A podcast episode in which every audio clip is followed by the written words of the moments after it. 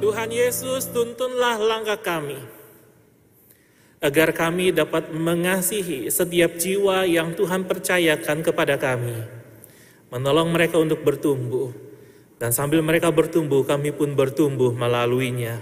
Pimpin sertai kami, bentuklah kami, sehingga kebenaran firman-Mu dapat kami aplikasikan dalam kehidupan sehari-hari. Rohmu yang menuntun langkah kami. Di dalam nama Tuhan Yesus kami berdoa. Amin. Sambil tetap berdiri, saya mengajak kita untuk membaca bersama-sama Yohanes pasal 21 ayat 15 sampai ayat yang ke-17. Hari ini kita akan membaca Yohanes pasal 21 ayat 15 sampai 17. Yang kita baca adalah Alkitab terjemahan baru edisi yang kedua. Gembalakanlah domba-dombaku. Mari kita baca bersama. Satu, dua, tiga. Sesudah sarapan, Yesus berkata kepada Simon Petrus, Simon, anak Yohanes, kita ulang, kita baca bersama-sama. Ya. Satu, dua, tiga. Sesudah sarapan, Yesus berkata kepada Simon Petrus, Simon anak Yohanes, apakah engkau mengasihi aku lebih daripada mereka ini? Jawab Petrus kepadanya, benar Tuhan, engkau tahu bahwa aku mengasihi engkau. Kata Yesus kepadanya, peliharalah anak-anak dombaku. Kata Yesus lagi kepadanya untuk kedua kalinya, Simon anak Yohanes, apakah engkau mengasihi aku? Jawab Petrus kepadanya, benar Tuhan, engkau tahu bahwa aku mengasihi engkau. Kata Yesus kepadanya, gembalakanlah domba-dombaku. Kata Yesus kepadanya untuk ketiga kalinya, Simon anak Yohanes, apakah engkau mengasihi aku? Petrus pun merasa sedih karena Yesus berkata untuk ketiga kalinya, apakah engkau mengasihi aku? Dan ia berkata kepadanya, Tuhan, engkau tahu segala sesuatu, engkau tahu bahwa aku mengasihi engkau. Kata Yesus kepadanya, peliharalah domba-dombaku. Silakan duduk.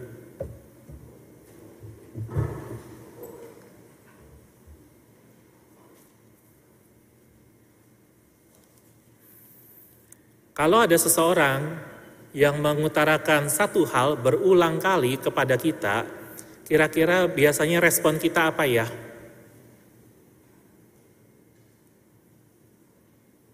Kalau misalnya ada orang yang mengutarakan sesuatu berulang-ulang dalam jangka waktu yang berdekatan, biasanya respon kita apa ya? Cerewet amat sih, betul kan? Gak usah bawel deh, betul kan? Gua nggak budak tahu, betul kan? Iya, iya, iya. Itu kan yang kita jawab kan? Dalam bagian Alkitab yang kita baca barusan juga ada pertanyaan berulang-ulang, pertanyaan yang sama. Apakah engkau mengasihi aku?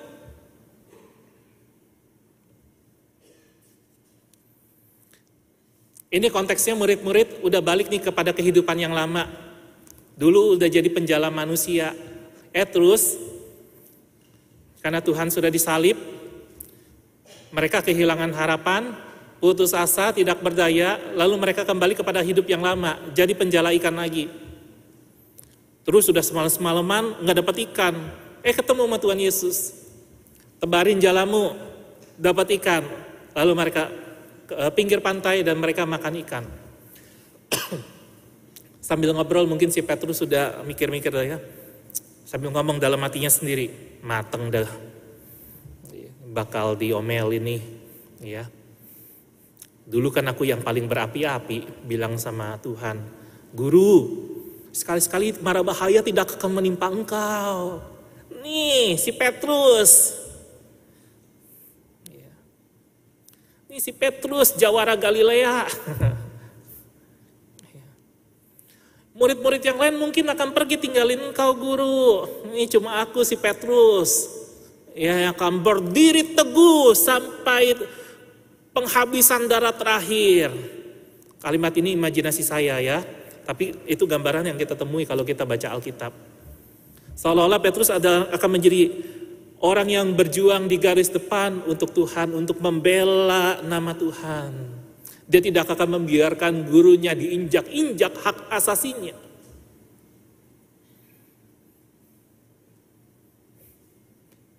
Tapi tiga kali dia menyangkal Yesus. Di pelataran itu, waktu ditanya sama orang, eh muridnya nih, ah, kagak, bukan. Iya muridnya, kita lihat kamu sering bersama-sama dengan dia. Oh, salah lihat kali. Iya benar kamu kan? Enggak bukan aku, aku bukan muridnya kok. Aku kebetulan aja ada di sini. Ngateng deh, pasti Tuhan marah nih. Terus kan udah gue bilangin terus lu akan menyangkal gue tiga kali. Bener kan? Ngateng udah diomelin nih sama Tuhan nih. Padahal dalam hatinya Petrus mungkin apa? Pengen juga balik lagi kan? Karena kalau sudah pernah mengecap kasih Tuhan, sebetulnya nggak akan pernah bisa meninggalkan. Sekali mengecap kasih Tuhan, selamanya ingin terus mengecap kasih Tuhan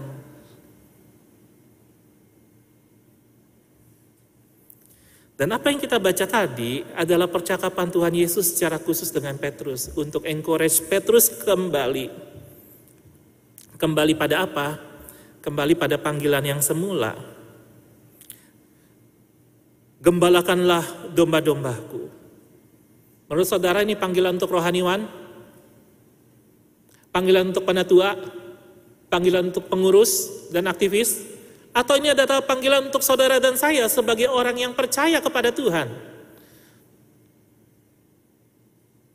Panggilan untuk menghadirkan kerajaan Allah di dalam setiap aspek kehidupan kita.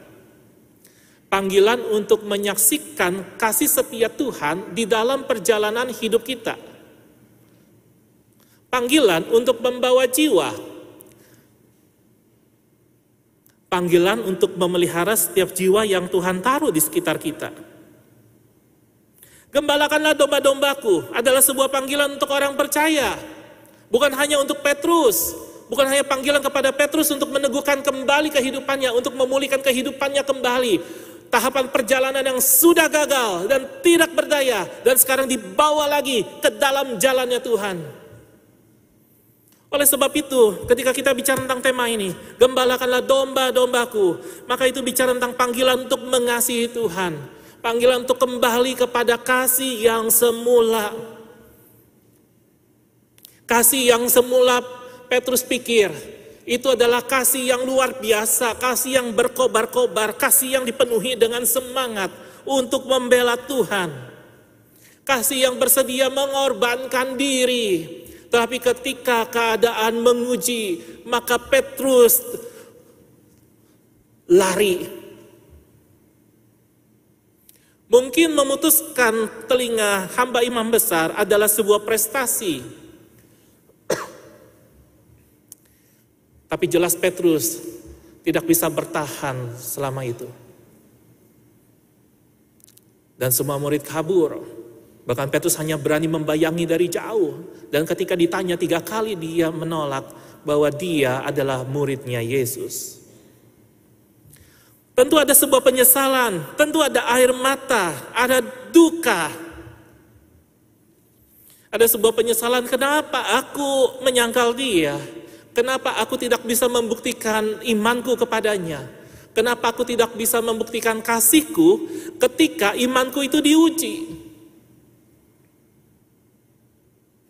Dan mungkin ini adalah juga pergumulan bagi setiap kita hari ini. Bukankah kita sering kali jadi orang yang gagal untuk mengungkapkan kasih kita kepada Tuhan ketika situasi dan kondisi menguji kita? Apakah iman kita adalah iman yang murni?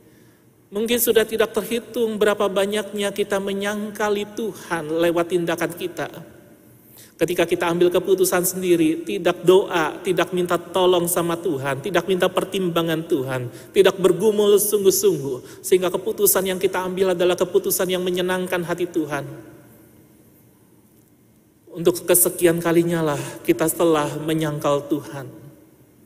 Karena dengan segala keputusan, pola pikir, perkataan yang kita tunjukin, kita sebetulnya telah menolak dia di dalam kehidupan kita. Dan hal yang sama juga dialami oleh Petrus. Sehingga percakapan Tuhan Yesus dengan Petrus ini adalah sebuah percakapan personal yang memanggil kembali, engkau mungkin dulu punya kasih, tapi hari ini aku memanggilmu kembali kepada kasih yang semula. Tuhan Yesus tiga kali bertanya, apakah engkau mengasihi aku? Apakah engkau mengasihi aku? Apakah engkau mengasihi aku? Pertanyaan pertama, mengasihi aku lebih daripada mereka ini. Apakah engkau Petrus mengasihi aku lebih daripada murid-murid ini mengasihi aku? Namun bisa juga diartikan, Petrus, apakah engkau mengasihi aku lebih daripada engkau mengasihi apa yang sedang engkau kerjakan hari ini?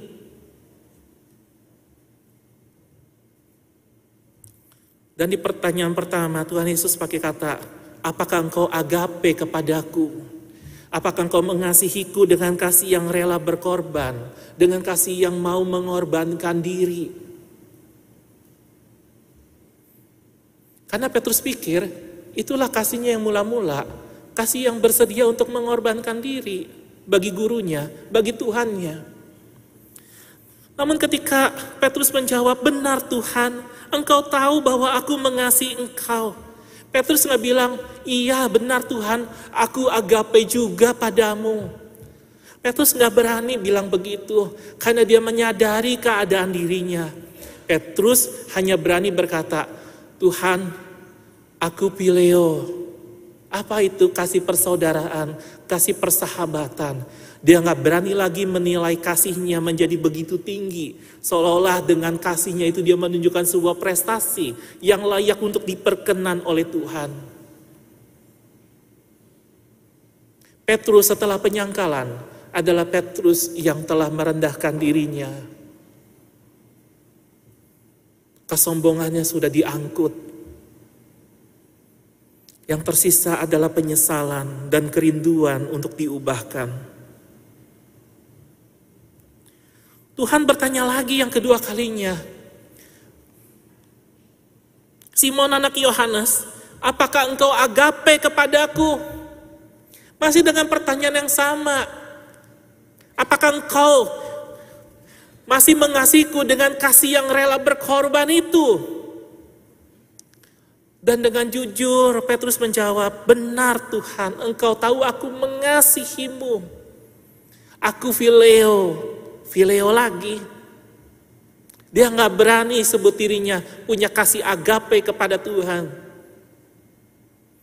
Karena dia menyadari dia gagal. Ketika dia mengandalkan kekuatan dirinya untuk mengasihi Tuhan. Kadang-kadang kita bisa begitu berapi-api. Aku mau hidup buat Tuhan. Aku mengasihi Tuhan. Aku mencintai Tuhan. Aku rela mati-matian buat Tuhan. Tapi ketika semua itu tidak terwujud,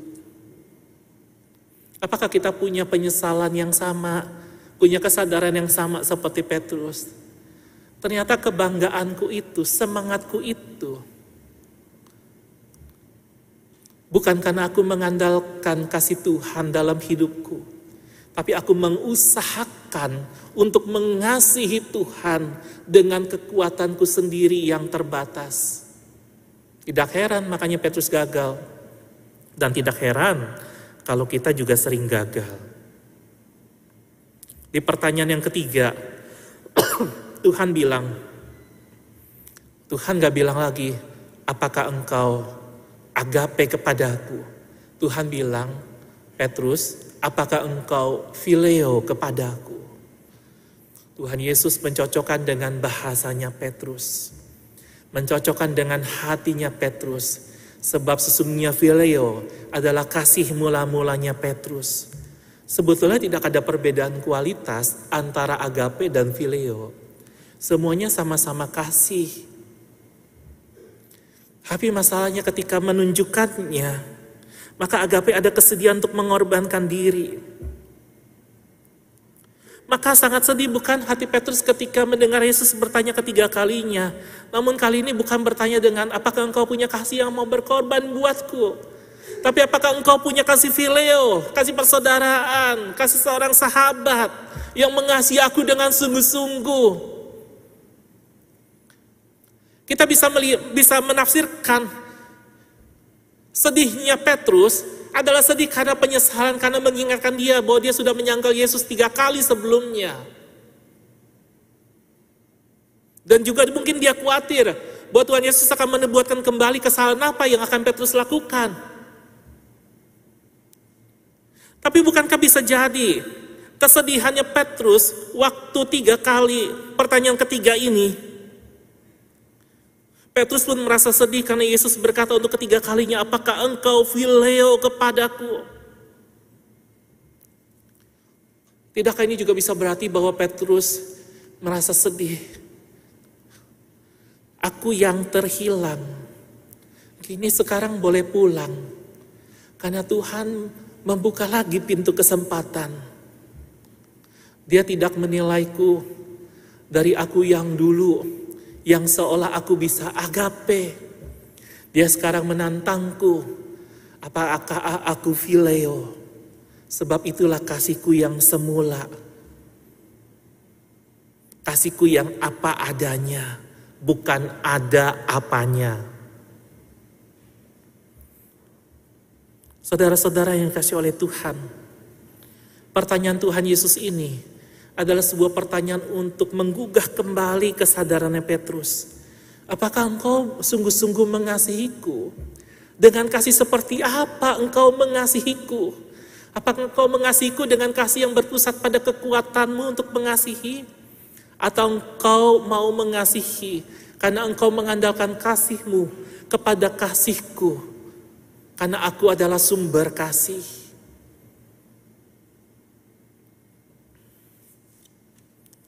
Oleh sebab itu jemaat yang dikasih oleh Tuhan, kalau engkau bertanya sama dirimu sendiri, engkau harus tanya juga sama Tuhan. Tuhan, apakah aku sungguh-sungguh mengasihimu? Dan hari ini aku mengasihimu dengan kasih yang seperti apa? Kasih seperti apa yang aku punya buat Tuhan? Apakah kasih dengan kekuatanku atau aku mengasihi dengan kekuatan yang Tuhan berikan kepadaku? Oleh sebab itu saya mengajak kita menaikkan permohonan doa ini dalam hati. Tambahkanlah kasih kami kepadamu ya Tuhan. Karena kalau mau jujur, kita sering kurang mengasihi Tuhan. Kita lebih banyak mengasihi diri sendiri. Dan kita mencoba menunjukkan kepada Tuhan bahwa kita bisa mengasihi Tuhan dengan kekuatan kita sendiri. Akhirnya kita capek sendiri karena ketika kekuatan kita habis, kita merasa kasih kita kepada Tuhan menjadi tawar bukan? Kita mulai merasa kasih kita kepada Tuhan menjadi suam-suam bukan?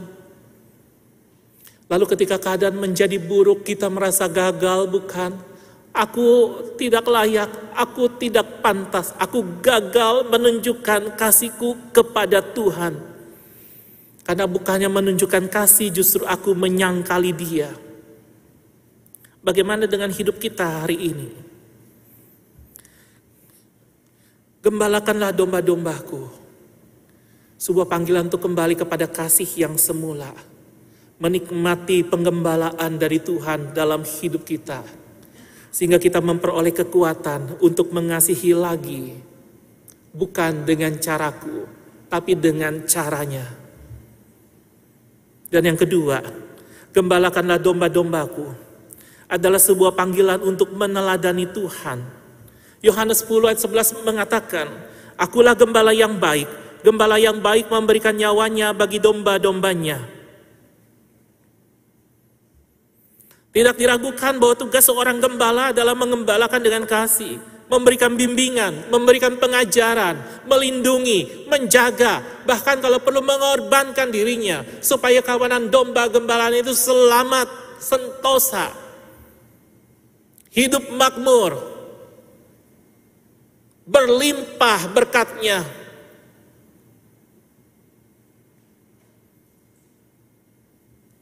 Kita pernah menyaksikan sebuah tayangan bukan? Domba-domba mendengar suara gembalanya. Waktu suara gembalanya berkata, Sini, maka semua bisa kumpul. dalam bahasa Indonesia ya. Tapi ketika ada orang lain yang berkata, sini, Mereka diam aja tuh domba-domba ya. Nengok pun kagak. Mungkin mereka lagi ngobrol. Suara siapa sih tuh manggil-manggil kita? Hm, emang kita domba apaan? Kita bukan domba murahan tahu. Hm. Ya, omong aja sendiri. Hm. Domba-domba mengenal suara gembalanya. Karena domba gembalanya itu memberikan bimbingan, memberikan pengajaran. Ini kalau suara yang begini jangan lu dengerin ya. Kalau lu dengerin lu dibawa kabur. Itu bukan gembala, itu maling itu. Gembala bohongan, gembala palsu. Bersedia melindungi dan menjaga, bahkan mengorbankan diri. Bukankah Tuhan Yesus juga memberikan sebuah perumpamaan kalau ada dari 100 ekor ada satu ekor aja yang hilang. Yang dicari siapa? Ah, tenang masih ada 99. Yang hilang cuma satu. Tuh bentar lagi akan beranak tuh. Nambah satu lagi. Pas lah cepet. Dicari kan, sampai dapet kan. Terus digendong kan. Itu gambaran yang kita lihat kan di lukisan. Untuk menunjukkan bahwa apa satu domba berharga. Jangan sampai pada masa sekarang, domba mana nih yang bisa dikorbankan? Oh, yang paling gemuk. Yang ada di atas mimbar aja. Lemaknya banyak ini akan menjadi korban yang harum buat Tuhan. Saudara-saudara yang kasih oleh Tuhan, teladan siapa yang sedang kita ikuti hari ini?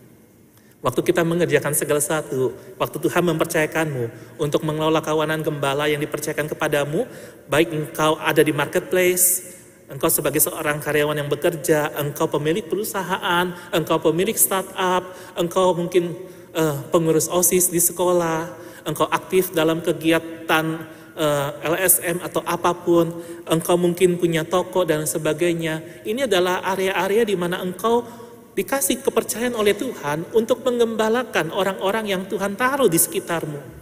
Teladan siapa yang engkau ikuti? Apakah engkau sedang ikut teladan Tuhan, yaitu rela memberikan dirinya, memberikan waktunya, merawat, menjaga, feed the lamb, feed the sheep, kasih makan. Atau kita sedang ikut diri sendiri, ikut teladan dunia ini. Bukankah budaya begitu mempengaruhi kehidupan kita hari ini sehingga tanpa sadar kita mempraktekkan itu di dalam gereja? Bukankah budaya dunia begitu menarik perhatian kita? Ayo kita survei dengan jujur ya. Siapa yang sepanjang satu minggu terakhir tidak pernah lupa baca Alkitab?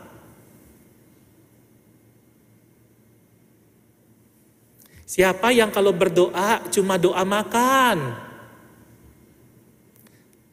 Siapa yang kalau memakan lupa berdoa? Udah makan baru ingat, eh belum berdoa. Oke deh nanti, tapi lupa lagi. Siapa yang kalau mau berdoa pas waktu mau tidur aja? Tuhan udah ngantuk, lanjut besok ya. Atau siapa yang waktu bangun bukannya berdoa mengucap syukur kepada Tuhan, tapi justru yang dibuka adalah apa? TikTok.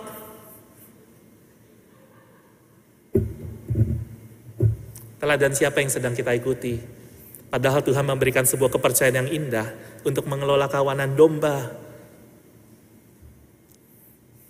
Tapi sering kali yang kita kelola bukan kawanan dombanya, kita membiarkan diri kita dikelola oleh dunia supaya kita menjadi serupa dengan dunia dan sehingga kita tidak berubah oleh pembaharuan budi yang dikerjakan oleh Roh Kudus sebagai orang percaya. Teladan siapa yang sedang kita ikuti? Oleh sebab itu, mari kita berdoa. Ajarlah kami mengikuti jejakmu ya Tuhan karena ngikutin jejaknya Tuhan susah. Betul? Ada yang berani bilang ngikutin jejaknya Tuhan tuh gampang, mudah banget. Oke, kalau mudah banget. Ini minggu pertama. Siapa yang sudah perpuluhan?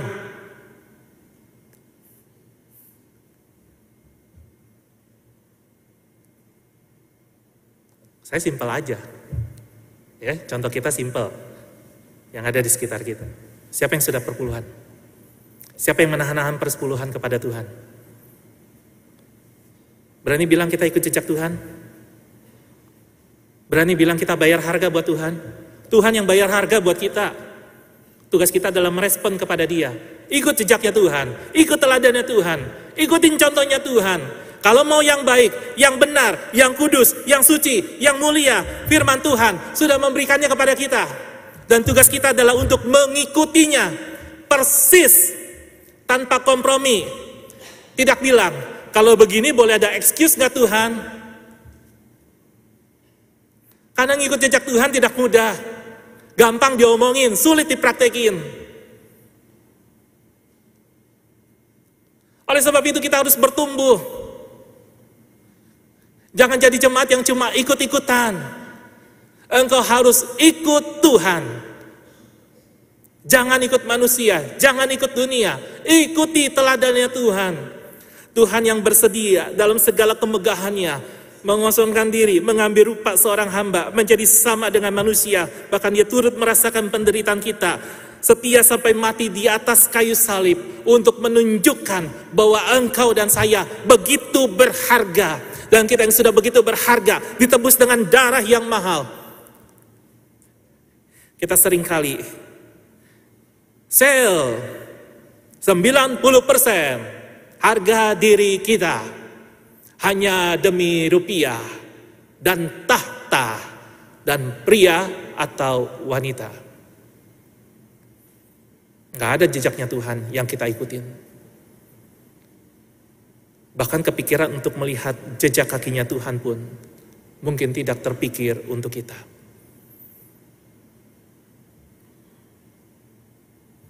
Ajarlah kami mengikuti jejakmu ya Tuhan, sehingga kami beroleh ketaatan waktu kami menempuh perjalanan sampai akhir itu. Gembalakanlah domba-dombaku. Yang ketiga adalah panggilan untuk mengikut dan melayani Tuhan. Tuhan Yesus setelah Petrus kasih respon, Tuhan Yesus bilang gini tiga kali. Yang pertama, peliharalah anak-anak dombaku. Yang kedua, gembalakanlah domba-dombaku. Yang ketiga, peliharalah domba-dombaku. Domba-domba punyanya siapa? Punya saya? Punya Musa Matindas? Punya penatua? Punya penginjil? Punya pengurus? Domba-domba punya siapa? Domba-domba punyanya Tuhan. Kita punya siapa? Kita ini punyanya siapa? Punyanya Tuhan. Saudara dan saya adalah domba-dombanya Tuhan. Tuhan bilang, anak-anak dombaku, domba-dombaku. Artinya bukan punyaku, bukan juga punyamu, tapi punyanya Tuhan. Dan tugas kita adalah memelihara supaya domba-domba itu, anak-anak domba itu bisa bertumbuh dan jadi dewasa. Karena domba punya kebutuhan yang berbeda. Ada yang masih anak-anak, ada yang sudah dewasa. Kebutuhannya berbeda. Oleh sebab itu, kita perlu pikirin, kita perlu gumulin sama Tuhan. Bagaimana caranya supaya kita bisa fit mereka, kasih makan mereka, dipelihara, dijaga supaya bertumbuh dan jadi dewasa. Kita yang jadi orang tua aja kalau pelihara anak kita, menjaga anak kita, kita pasti coba kasih asupan yang terbaik divaksin waktu bayi, terus dikasih makan, dikasih susu, kasih suplemen vitamin, iya kan? Kalau sakit dibawa ke toko besi, enggak kan? Dibawa ke dokter supaya didiagnosis, terus dikasih obat, minum obat sembuh. Kalau batuk, ini gorengan, obat batuk, enggak ada kan? Dikasih obat kan supaya batuknya reda, bisa pulih. Kita lakukan segala hal untuk anak kita. Nah, bagaimana dengan kehidupan rohani kita? Ketika ada orang-orang yang Tuhan percayakan dalam kehidupan kita, bagaimana kita mengelola mereka? Apakah kita cuma sekedar memanfaatkan mereka sebagai pemberi keuntungan buat kita, tanda kutip, atau kita memberikan diri kita supaya hidup kita menjadi sebuah keuntungan bagi mereka, sehingga lewat hidup kita mereka menemukan Kristus dan memuliakan Tuhan.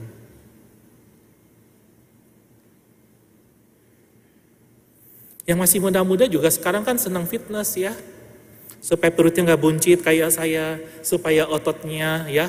Kan kalau sekarang kan cewek senang cowok-cowok yang berotot ya. Betul kan? Wah ini pasti pola hidupnya sehat ya. Hati-hati, nggak semua yang kekar itu betul-betul ya. Hati-hati ya. Oh kalau gitu kalau gak usah fitness, ya fitness fitness saja. Sehat itu kan bagus ya, bagian dari mempertanggungjawabkan apa yang Tuhan kasih dalam hidup kita. Tapi kalau tujuan akhirnya cuma untuk sekedar ini, maka kita sedang melayani diri sendiri, bukan melayani Tuhan. Oleh sebab itu, waktu disuruh pelihara, gembalakan, kasih makan, maka kita harus ikutin instruksinya Tuhan, harus tanggung jawab sama Tuhan. Bukan pakai cara kita, bukan pakai maunya kita, bukan pakai apa yang kita pikir benar. Harus ikutin maunya Tuhan apa sih? Caranya Tuhan gimana sih? Itu yang kita lakukan. Seringkali yang menjadi perdebatan di dalam gereja mungkin dalam pelayanan atau organisasi atau perusahaan adalah ketika masing-masing mau pakai caranya sendiri, nggak mau pakai cara Tuhan. Cara Tuhan gimana? Berlutut dulu, berdoa, gumulin, kalau perlu puasa, supaya kehendak Tuhan nyata. Setelah gumulin, ngomongin sama-sama. Tuhan bicara begini waktu aku renungan. Yang dicari adalah kepentingannya Tuhan, kemuliaannya Tuhan. Bukan bagaimana aku menjadi lebih penting dan bagaimana ideku terwujud. Nggak peduli apa kata orang. Itu ikut teladan Tuhan tuh begitu. Ikut melayani Tuhan tuh begitu. Dan waktu ingat kita ini anak-anak domba, dan bahkan mungkin kita adalah domba-dombanya Tuhan, maka kita juga perlu ingat, domba itu memberi diri dipelihara dan digembalakan. Kalau nggak mau dipelihara, nggak mau digembalakan, itu domba nakal. Kalau saya tuh ya punya uh, peternakan domba ya, kan biasa suka gunting bulu wol ya, biar botak gitu ya. Terus kan nanti dia tumbuh lagi kan. Terus ada domba yang bilang ini, ah kagak mau ah, kagak mau digundulin, Eka nggak mau botak, eh, nggak mau. Kira-kira saya akan pelihara nggak tuh? Ih lu udah gua kasih makan bagus-bagus supaya bulu lu tumbuh. Ini makanan organik nih semua nih. Eh kagak mau dicukur. Gua potong loh. Saya pasti akan begitu. Dipelihara kagak mau. Ya, Digembalakan kagak mau. Pilih jalannya sendiri. Yang lain lagi ngumpul, padang rumput yang hijau. Dia asik hiking di padang tandus. This is my way. Ntar ya kaki kotor, kesleo, terantuk batu, lecet. Tuan gembala kakiku lecet. Salah lu sendiri. Udah dibilangin ini padang rumput yang hijau nih. Rumputnya segar. Lu pilih main di padang yang tandus banyak batu. Bagaimana dengan hidup kita? Kalau akhir kehidupan kita akan seperti Petrus, disalib terbalik menurut tradisi karena dia merasa tidak layak, tidak pantas untuk disalib dengan posisi yang sama seperti Tuhan Yesus. Apakah kita akan tetap berkata ya dan memenuhi panggilan Tuhan atas diri kita? Aku akan mengikut Tuhan, aku akan melayani Tuhan, aku akan mengembalakan kawanan domba yang Tuhan percayakan kepadaku dalam setiap aspek kesempatan hidupku. Karena kita yang dipanggil untuk mengembalakan, kita juga adalah kawanan domba yang memberi diri untuk digembalakan. Jangan cuma mau jadi gembala, ingatlah bahwa pada hakikatnya saudara dan saya tetaplah kawanan domba yang juga perlu memberi diri untuk digembalakan. Petrus memang gak pernah bilang, Tuhan, aku agape kepadamu. Namun dari akhir kehidupannya, bukan perkataan yang terucap, tapi perbuatan yang nyata. Petrus agape kepada Tuhan. Kasihnya kasih yang mengorbankan diri demi berita Injil. Bagaimana dengan kehidupanmu? Engkau jadi orang Kristen seperti apakah hari ini? Seberapa besar kasihmu kepada Tuhan Apakah itu kasih yang menyala-nyala karena kekuatanmu? Atau itu kasih yang menyala karena api cinta Tuhan ada di sini? Dan kalau ada kasih Tuhan di sini, engkau nggak bisa bohong, engkau nggak bisa tunda, engkau nggak bisa tahan, engkau pasti akan ungkapkan, engkau pasti akan bagikan, engkau pasti akan teladani Tuhan, engkau akan mengikut dan melayani Dia dengan caranya Tuhan. Gembalakanlah domba-dombaku. Hai jemaat GKI Sunter, gembalakanlah domba-dombanya Tuhan yang dipercayakan kepadamu. Mari kita berdoa.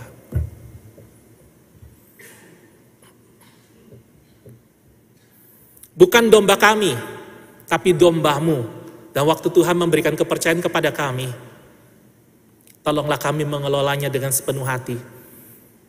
Mengandalkan kekuatan Tuhan saja. Sehingga kami boleh selalu kembali kepada kasih yang semula. Kami boleh selalu meneladani Tuhan. Dan kami boleh selalu setia mengikut melayani Tuhan. Karena engkaulah gembala kami.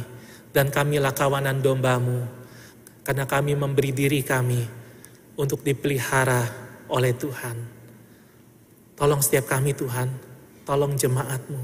Dalam nama Tuhan Yesus, kami berdoa. Amin.